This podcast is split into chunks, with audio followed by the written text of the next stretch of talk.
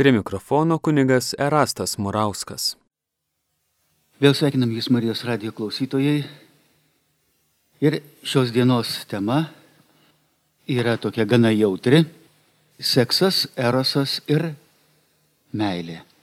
Kaip šitos dalykus atskirti, nes jeigu mes viską suplakam į vieną krūvą, tai žinot, ten tada ir uogienė, ir, ir cepelinai, ir, ir kompotas, viskas gaunasi viename. Kai atskirai puiku, bet jeigu viską sumaišysi vienam bliūdė, kažin ar pasiseks svečius įtikint, kad tai naujas receptas.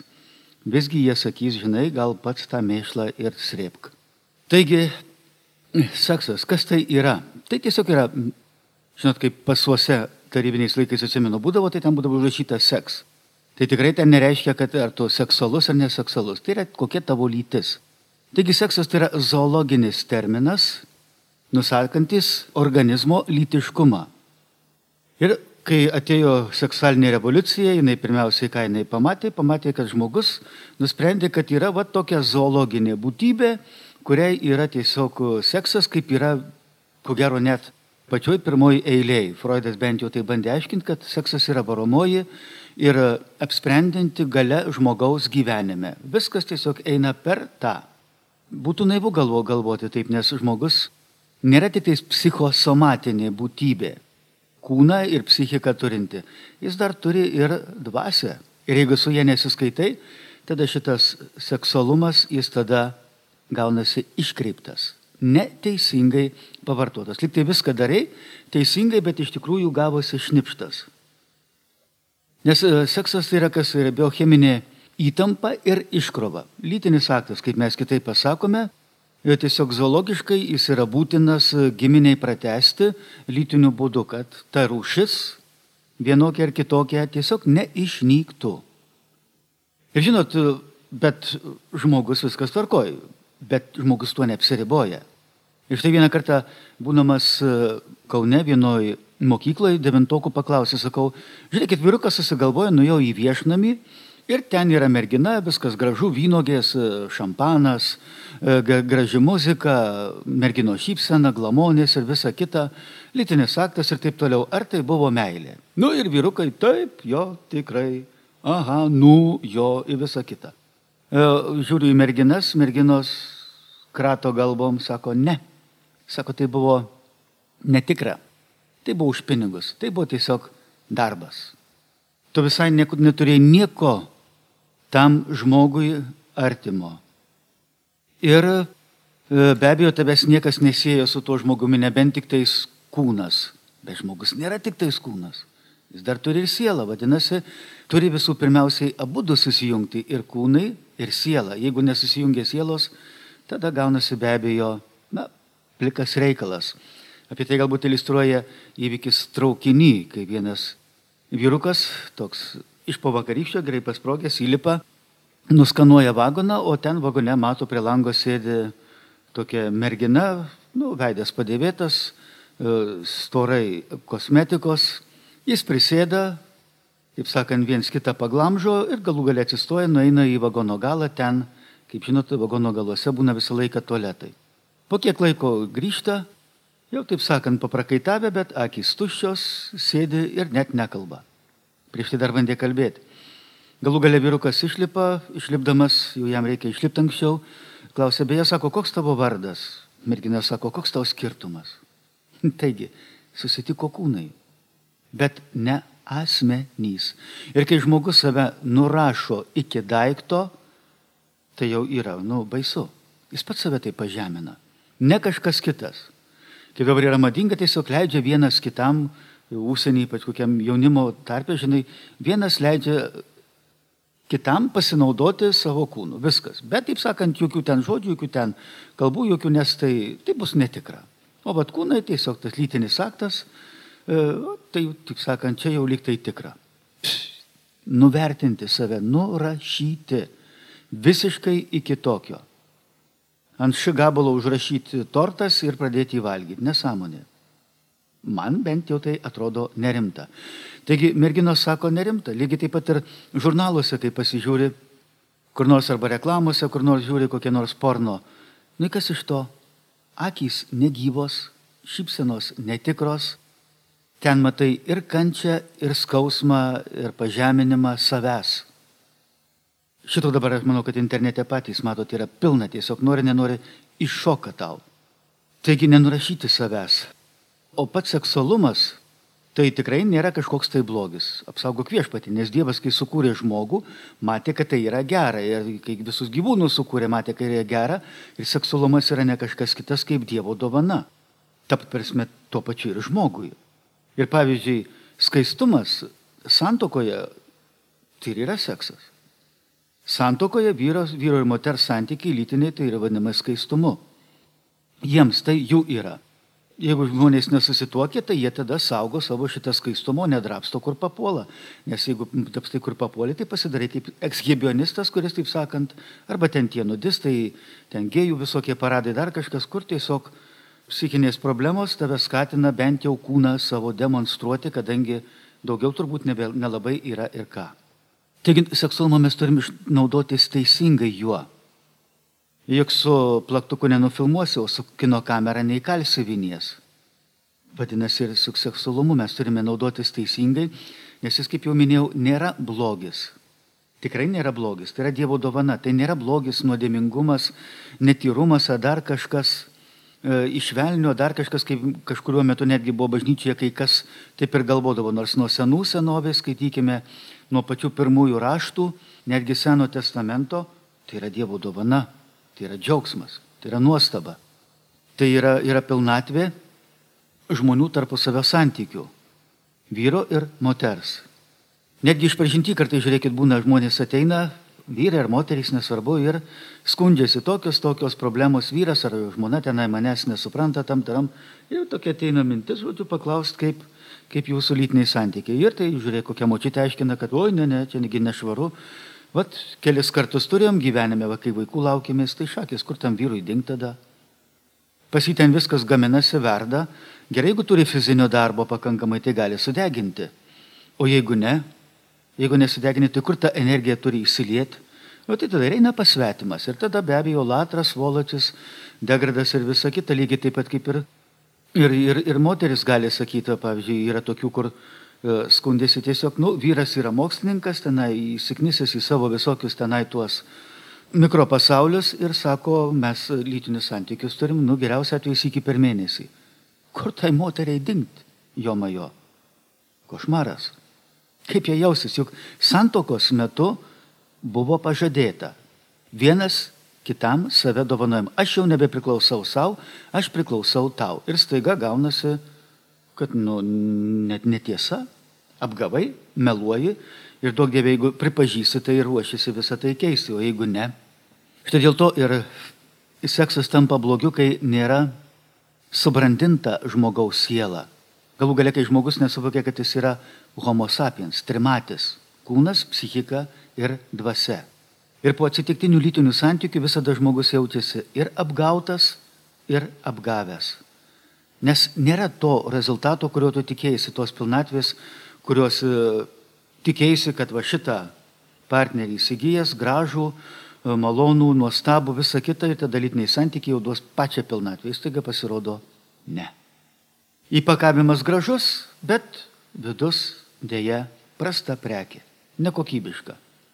Nesakau kinietiška, bet ir kinietiškų būna gerų, bet dėja nekokybiška, vienkartinė. Piš A Dievas nenori, kad būtų vienkartinė, nori, kad tu gyventum kokybišką gyvenimą, kaip sako, nesu toks turtingas, kad pirkčiau pigius daiktus. He, žmogau, tai var gyvenime siek to perlo, to nuostabaus dalyko, kuriuo galėtum džiaugtis visą savo gyvenimą, tą perlą dar gražindamas. Bet apie tai vėliau. Plikas seksas patį žmogų tiesiog pažemina, nes žmogus save sulygina su gyvuliu, prarasdamas ir orumą, ir savigarbą. Mums e, seminarijoje dėsi toks vienas e, kunigas, profesorius iš Šveicarijos. Jis beje dėsi ir universitete ir paskui vieną kartą pasakojo savo atsitikimą, kaip jis dėstydamas e, etiką turėjo paskaitą, tiesiog buvo paskaita apie seksualinę etiką Ir jis pasakojo apie vyro, moters meilę ir visą kitą. Ir galų gali, žinot, vienas jaunuolis pakėlė ranką, sako, profesorius, sako, bet sako, jūs savo gyvenime neturėt nei vienos moters. Kaip jūs sako, mums galite pasakoti apie tai, kas yra meilė ir visa kita. Na, žinot, vis tiek profesorius, vis tiek Šveicarija šis beitas. Jis sako, žinai, ką aš tau galiu pasakyti, gal to gyvenime, va tas jaunuolis dar pasigyrė, sako, savo gyvenime turėjau daugybę moterų. Sako, ir ką jūs man galite papasakoti? Ir tas profesorius sako, sako, žiūrėk, sako, tu savo gyvenime, ko gero, neturėjai nei vienos moters. Patelių tu gal ir turėjai, bet moters tu neturėjai. Vat gal bus gyvenime, kada susitiksi tokia moterį, kuri neįs su tavim tenai ant kiekvieno kampo, taip sakant, glamonėtis. Ir tu tada sako, pajusi savyje kažką kito. Tavai atsidarys visai kitos durys. Tau ateis tokia šviesa ir toks dalykas, kuris yra tiesiog būtinas meiliai. Nes iki tol tu turėjai tik tai pliką seksą, gyvulišką, paprastą seksą, patenkinai save, užmiršai sekantis, next. Ne. Ir tas jaunuolis tikrai sako, sako, po kiek metų, po kelių metų, po penkių ar kiek, tas jaunuolis baigė universitetą, visą kitą sako, einu Kaune per Laisvės alėją ir ten laukia staliukai padengti prie kavinių. Prie vieno staliuko stovi sėdėtas jaunuolis, su, mote, su kažkokia tai mergina ir ten dar kažkokie du bambliai. Vienas ant kelių, kitas ten zilioja aplinkui.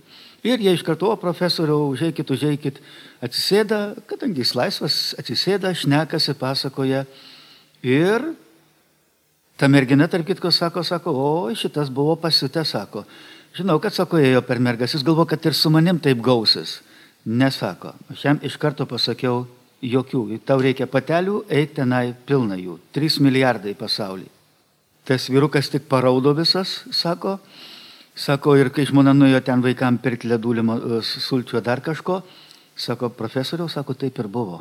Iš tiesų, kai, sus, kai susitikau šitą, šitą merginą, sako, sienom lipčiau, tapetus graušiau, sako, taip sunku buvo susivaldyti, bet supratau, kad jeigu nesusivaldysiu, jeigu tik bandysiu ją prispausti, reikia per kitas, tiesiog ją prarasiu. Ir tada sako, įveikiau save. Ir sako, tada iš tiesų šiandien tikrai dėl to nesigailiu. Ir jaunimas, žiūrėkit, šiandien labai dažnai nusivila, nusivilia meilę, nes jie jos net nepatyrė. Jie tiesiog paprasčiausiai turėjo pliką seksą, kuris tiesiog parodė, kad nieko čia gero tokio nėra. Na, toms iki jo, bet paskui suvirškina iškakoja ir baigtas kriukis, tiek reikalų. Ne. Žinot, vaisius turi prinokti. Jeigu neprinoko, jis bus rūkštus, galų gale paleisi vidurius. Arba dar blogiau netgi e, atpilsi. Ir kitaip sakant, paprastai žmogus yra kaip upė, kuriai reikia ko? Reikia krantų. Va tada jis gali tekėti kryptingai link jūros, link savo gyvenimo pilnatvės. Žmogui reikia užtvankos. Ir žmogus tą gali padaryti. Gyvulys to nepadaro. Jis negali savęs priversti. O žmogus gali savo įsakinėti. Taip kaip Kantas sakė, tas kategorinis imperatyvas žmogus ta būtybė, kuri gali savo pasakyti, aš privalau.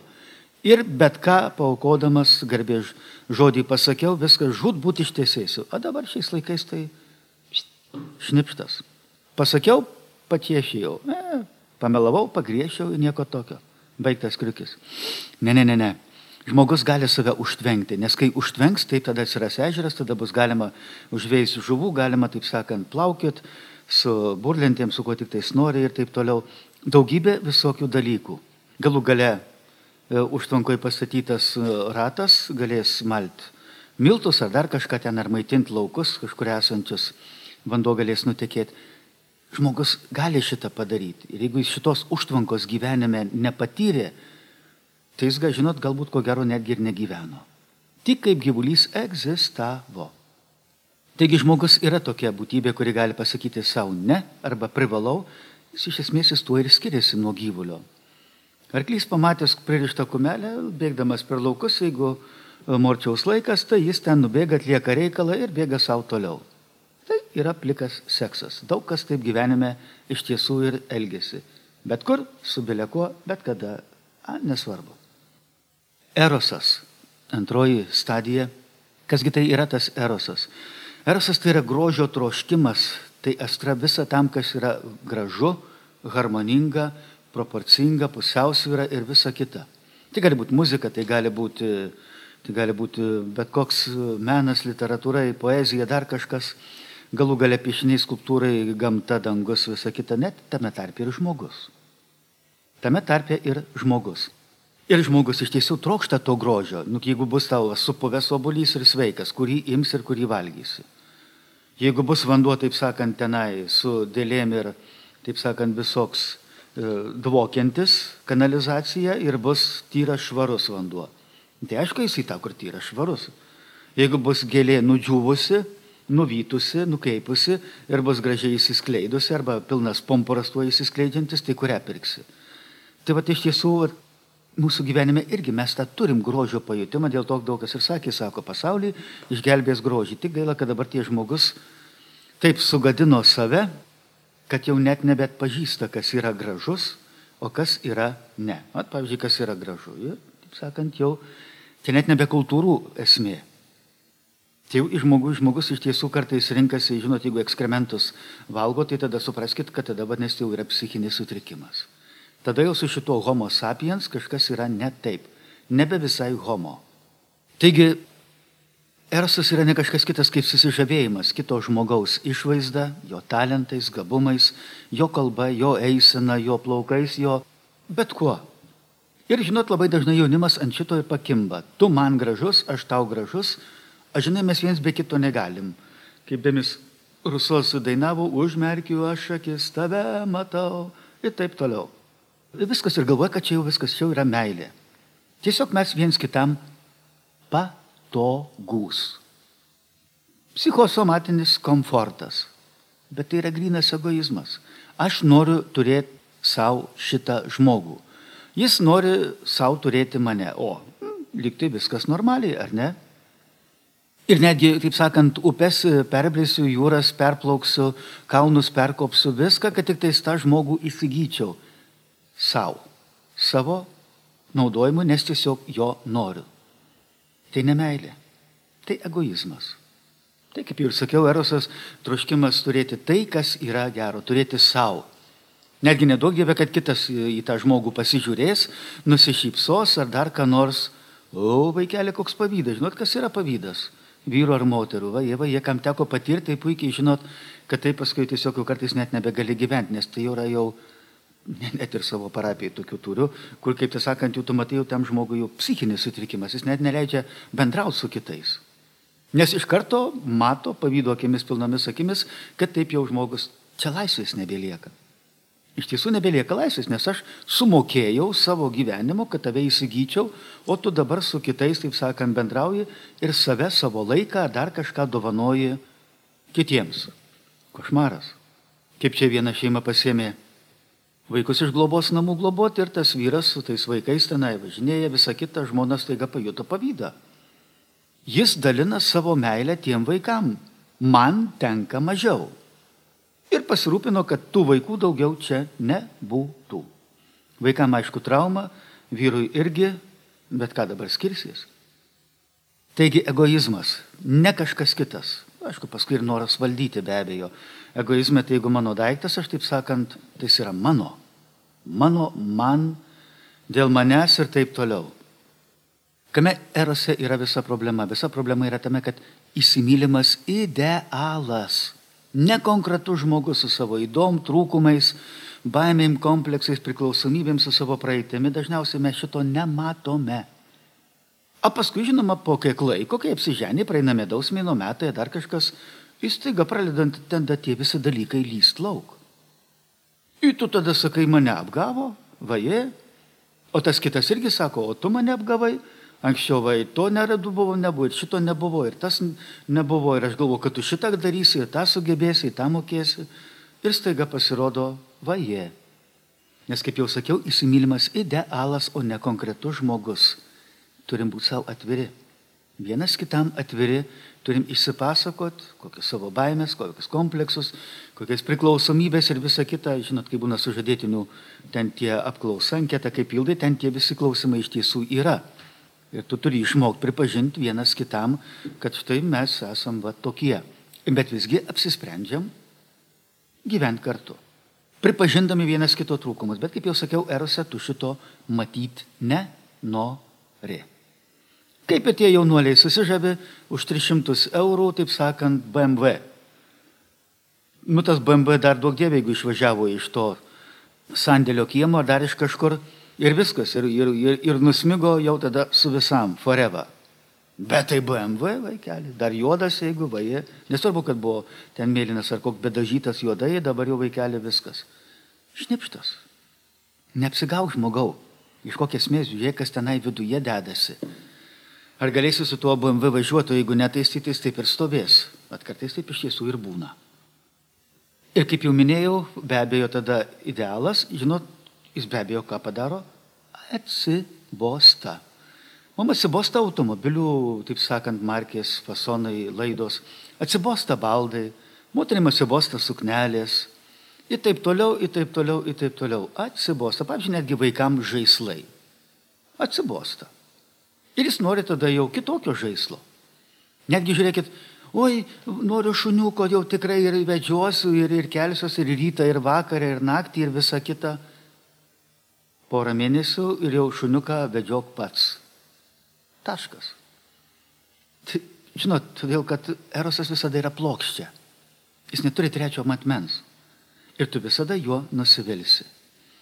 Ir moteris nusivilė, sako, jis mane sako, kad mane myli, Jam televizorius, automobilis pasidaro svarbiau. Vyras irgi sako, ta žmona kažkokia vaikelė, kai kokia priekaban. Neleidžia nei su draugais išeiti, nei kažkur, taip sakant, į žvejybą ar dar kažkur pagėt, pasibendrauti, visą kitą, kažkokį tai sportą lankyti. Košmaras. Va, taip greitai pasidaro.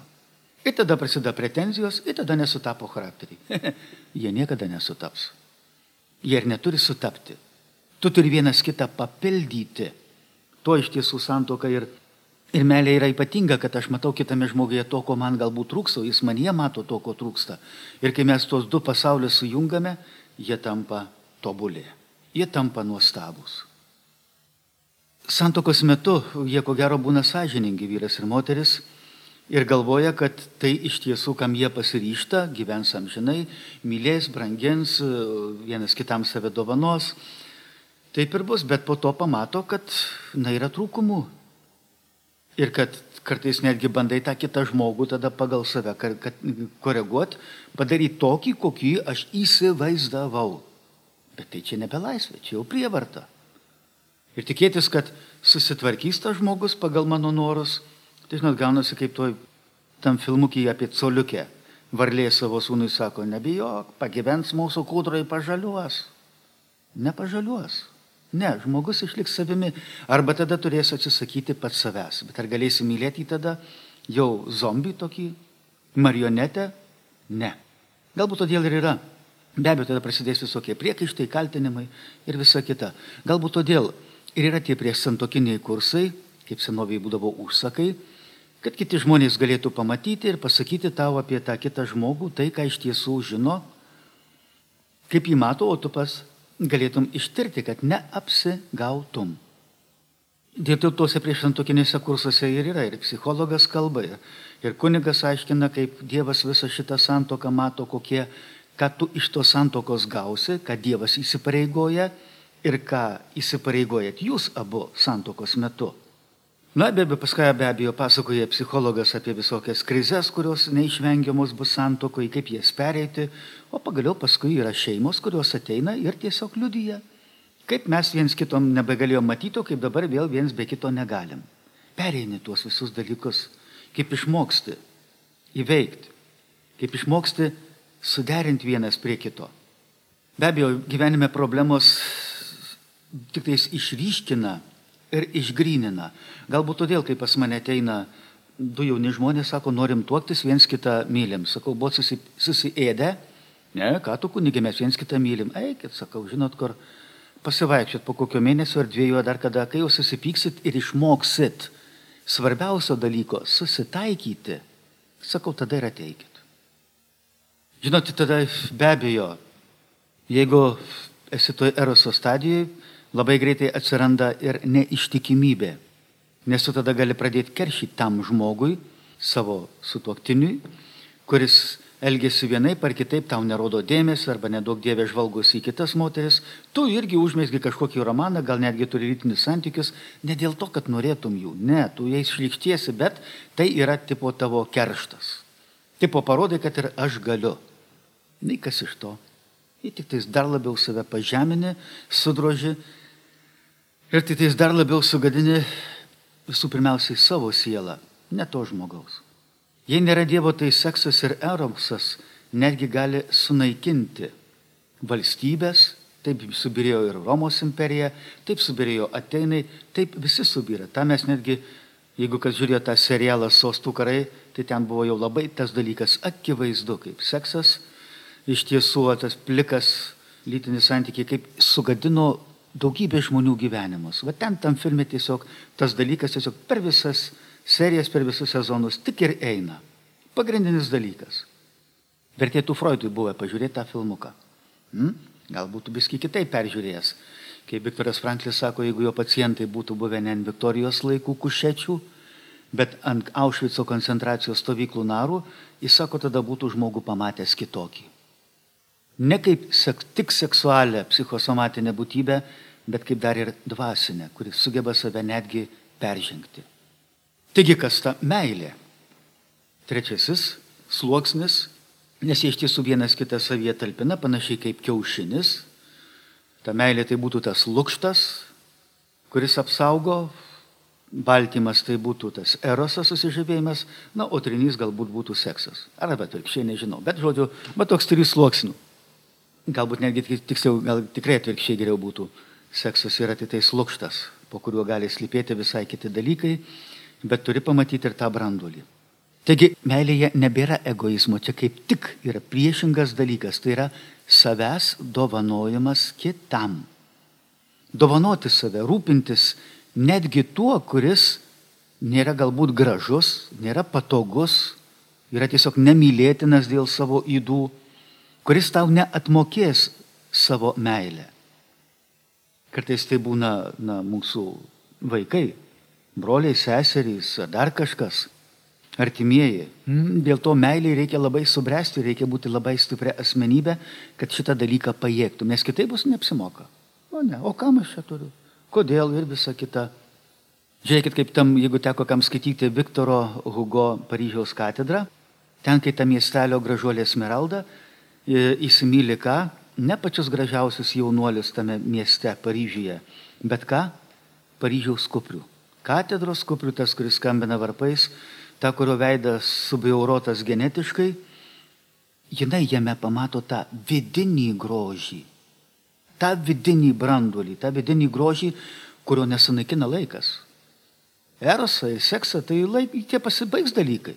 Ir seksas atsibos ir, ir tas e, erosas jis dings, atsiras visokie pavadiniai sluoksniai, vadinami lašiniais ir visa kita, kurie iškreips Viskas raukšlės paskui galų galiant odos gar, garbiniavimasis tas atsiras ir, ir, ir baigtas kriukis ir nebeliko to visos egzotikos. Balsas užkims, talentai pripažinimas baigsis ir visa kita. Mm. O vidinis, vidinis išliks. Matot, kas yra dvasinis, tai laikas jis nesugadina, greičiau netgi priešingai. Laikas išryškina tuos dalykus. Taigi, kaip jau minėjau, meilė tai yra troškimas ir pastangos kitą padaryti laimingu, net jeigu reikia aukoti savo. Taigi, e, santokoje meilėje susitinka ne vien tik tais kūnai, bet susitinka ir kūnai ir asmenys. Vidiniai pasauliai. Štai dėl to vienas kitą tada gali iš tiesų praturtinti. Tai tarsi yra vidinių pasaulių rezonansas. Meilė yra vidinių Ne kūnų rezonansas, bet vidinių pasaulių rezonansas. Kada mes vienas kitame atrandame sąskambius ir vienas į kitą pradedame gerbti, vertinti, žavėtis ir netgi aukoti save, apriboti save, nes tai bus neišvengiama. Melė esantys žmonės tikrai puikiausiai sugebėtų gyventi vienas be kito, bet laisvai rengiasi gyventi kartu, suprasdami ir švieses, ir sunkes to pasiekmes nesupranta, kad reikės kartais ir atleisti, ir priimti kitą, kitą žmogų su jo vidiniu pasauliu, jo kultūra, jo įpročiu. Jeigu pas ją buvo klasikinė muzika, serviruotas stalas, tyla ir ramybė, guldavosi vėlai, pas jį priešingai, pas jį namuose visą laiką būdavo bumčikai, visi ten kalbėdavo garsiai, be abejo valgydavo kada kur kaip papuola ir taip toliau ir taip toliau. Ir staiga reikia kurti kažką visą bendrą, vadinasi, reikės ir vienam, ir kitam save apriboti ir išmokti priimti tokius, kokie yra, nenorint keisti pagal save. Žiūrėkit į vaikus. Jiem tai yra paprasta. Juk susitinka du vaikai visiškai skirtingi ir jie sugeba draugauti, jie sugeba vienas kitą patys save sugeba apriboti dėl kito. O su saugusiais žmonėmis jau atsiranda problemos. Gal dėl to Jėzus sakė, nepasidarysit kaip vaikai. Oi, Dievo karalystė, meilės karalystė, šviesos ir kitokia karalystė jums bus nepasiekiama. Seksą, eros ir meilę būtų galima palyginti su smėliu. Silicio oksidas. Paimi smėlio, sauja tai yra seksas. Suspaudai tarp rankų, per pirštų išbirėjo, atneužiai vėjas išpūsti, nudžiuvo, neliko tuščia. Taip seksas. Nieko. Erosas. Erosas, jeigu pakaitintum smėlį, į ką jis pavirstų? Į stiklo gabalą. O jau toks dėl negulės, neiškris, vėjas neišpustys, krenta saulės šviesa, skleidžiasi į vaivorykštę, gražu, visą kitą pasidėjai, bet paskui užmiršai, palikai ir tvarkydamas namus be abejo tą stiklą išmesi. Kam jis tau reikalingas? Bet jeigu iš to stiklo gabalo kantriai išdildintum, išskoptum ką? Padidinimo stiklą, lešį. O tada gali pasigaminti teleskopą ir žiūrėti į plus begalybę. Gali pasigaminti mikroskopą ir žiūrėti į minus begalybę. Taip meilė atveria ir plus ir minus begalybę. O žmogus yra begalybė. Dėl to jam būtinai reikia kito begalinio. Štai dėl to vyras ir moteris iš tiesų vienas kitą save papildo. Taip kaip vandenilis papildo deguonį, o deguonis papildo vandenilį. Ir kaip jūs manot, kas gaunasi iš chemijos? Nu, skaičiuoju iki penkių. Viens, du, trys, keturi, penki. Gaunasi vanduo. Gyvybės pagrindas šioje planetoje. Lietus, rūkas, galų gale okeanas šaltinis ir visa kita pagaliau kiekvienas iš mūsų, 80 ar 90 procentų, priklausomai nuo amžiaus, esame vanduo. Štai ir jie atsisako savarankiškumo ir šitos dvi dujos pavirsta į ką? Pavirsta į gyvybės šaltinį, į vandenį, kurio molekulė yra patys turbūt suprantat ir iš chemijos žinot, nuostabi, ypatinga. Atlaikanti ir didžiulius šalčius, ir karščius, ir visą kitą keičianti tik savo formą, bet išliekanti savimi. Štai kartą vieną kartą važiuoju į, į seminariją iš namų ir e, mikroautobuse įsėdau, neskubu. Vienai moteriai suskamba skambutis ir kadangi buvo garsiai atsuktas e, šitas mikrofonas, labai gerai viskas girdisi, kad ten vyras jai reikia, tiesiog šaukia, graži moteris, simpatiška. Visą kitą. Ir jai šaukia, kas tau leido išeiti iš namų. Tai žinai, kad gali būti visokių reikalų, tai ar aš tau leidau, tramtatami visą kitą. Ir matai, ta moteris nosis nuleista, visa kita, kas kanarėlė, auksinė paukštelė ir visa kita kur? Narvelį. Narvelį. Tiesiog vyrukas, taip sakant, turėjo pinigų, įtakos, visa kita, šampanažai, taip sakant, Havajai, Malajai ir visokie kitokie parajai. Ir visokie, taip sakant, ir mergina susižavėjo, dėjo nematydama jo tų vidinių savybių. Ir jinai jam yra tik tais daiktas, kuris privalo būti namuose. Nes pavojinga, žinot, gal koks nešvarus biznis, dar kažkas, kad gali kas nors ją pagrobti, dar kažkur paskui išpirkos prašyti. Nu, žodžiu, visokie dalykai. Galų galės įsivaizduoti tiesiog, kad tai yra jos daiktas, kaip mašina, kaip, kaip baseinas, kaip tenai dar kažkas.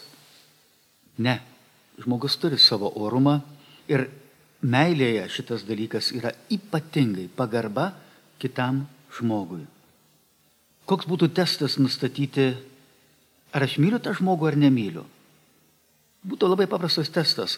Testas būtų avarija. Įsivaizduok, kad tavo mylimasis, mylimoji, taip sakant, pakliuvo į avariją. Tau praneša, tu skubi tenai, nuvažiuoji, žiūri, nu va, sugipsuotas, pateko į avariją, užsidegė mašiną, lūžo ten stuburas, vadinasi, guli tenai gypsė, dar ranka, visa kita, veidas nudegęs, plaukai nebetauks, Žodžiu, viskas ten sutvarstyta, sugipsuota, lašelinės ir visa kita, tik to žmogaus akys matosi. Nu ir ką tu, ir, o turėjo būti jau santoka, taip sakant, už poros mėnesių jau viskas kvietimai išsiuntinėti, užsakytos salės, visa kita, aišku, tai visa subyra. Ir dabar tu, ar tau reikės dar tokio žmogaus? Jis bus vežimėlį, su pampersu, jį reikės nešiot, kilot, visa kita, jau jo visi tie, jo balsas, jos tarkim, tenai eisena, šokis, seksas, viskas atkrenta. Ir seksas, ir erosas, šitie visi dalykai atkrito. Ar dar liko kas nors tarp jūsų daugiau?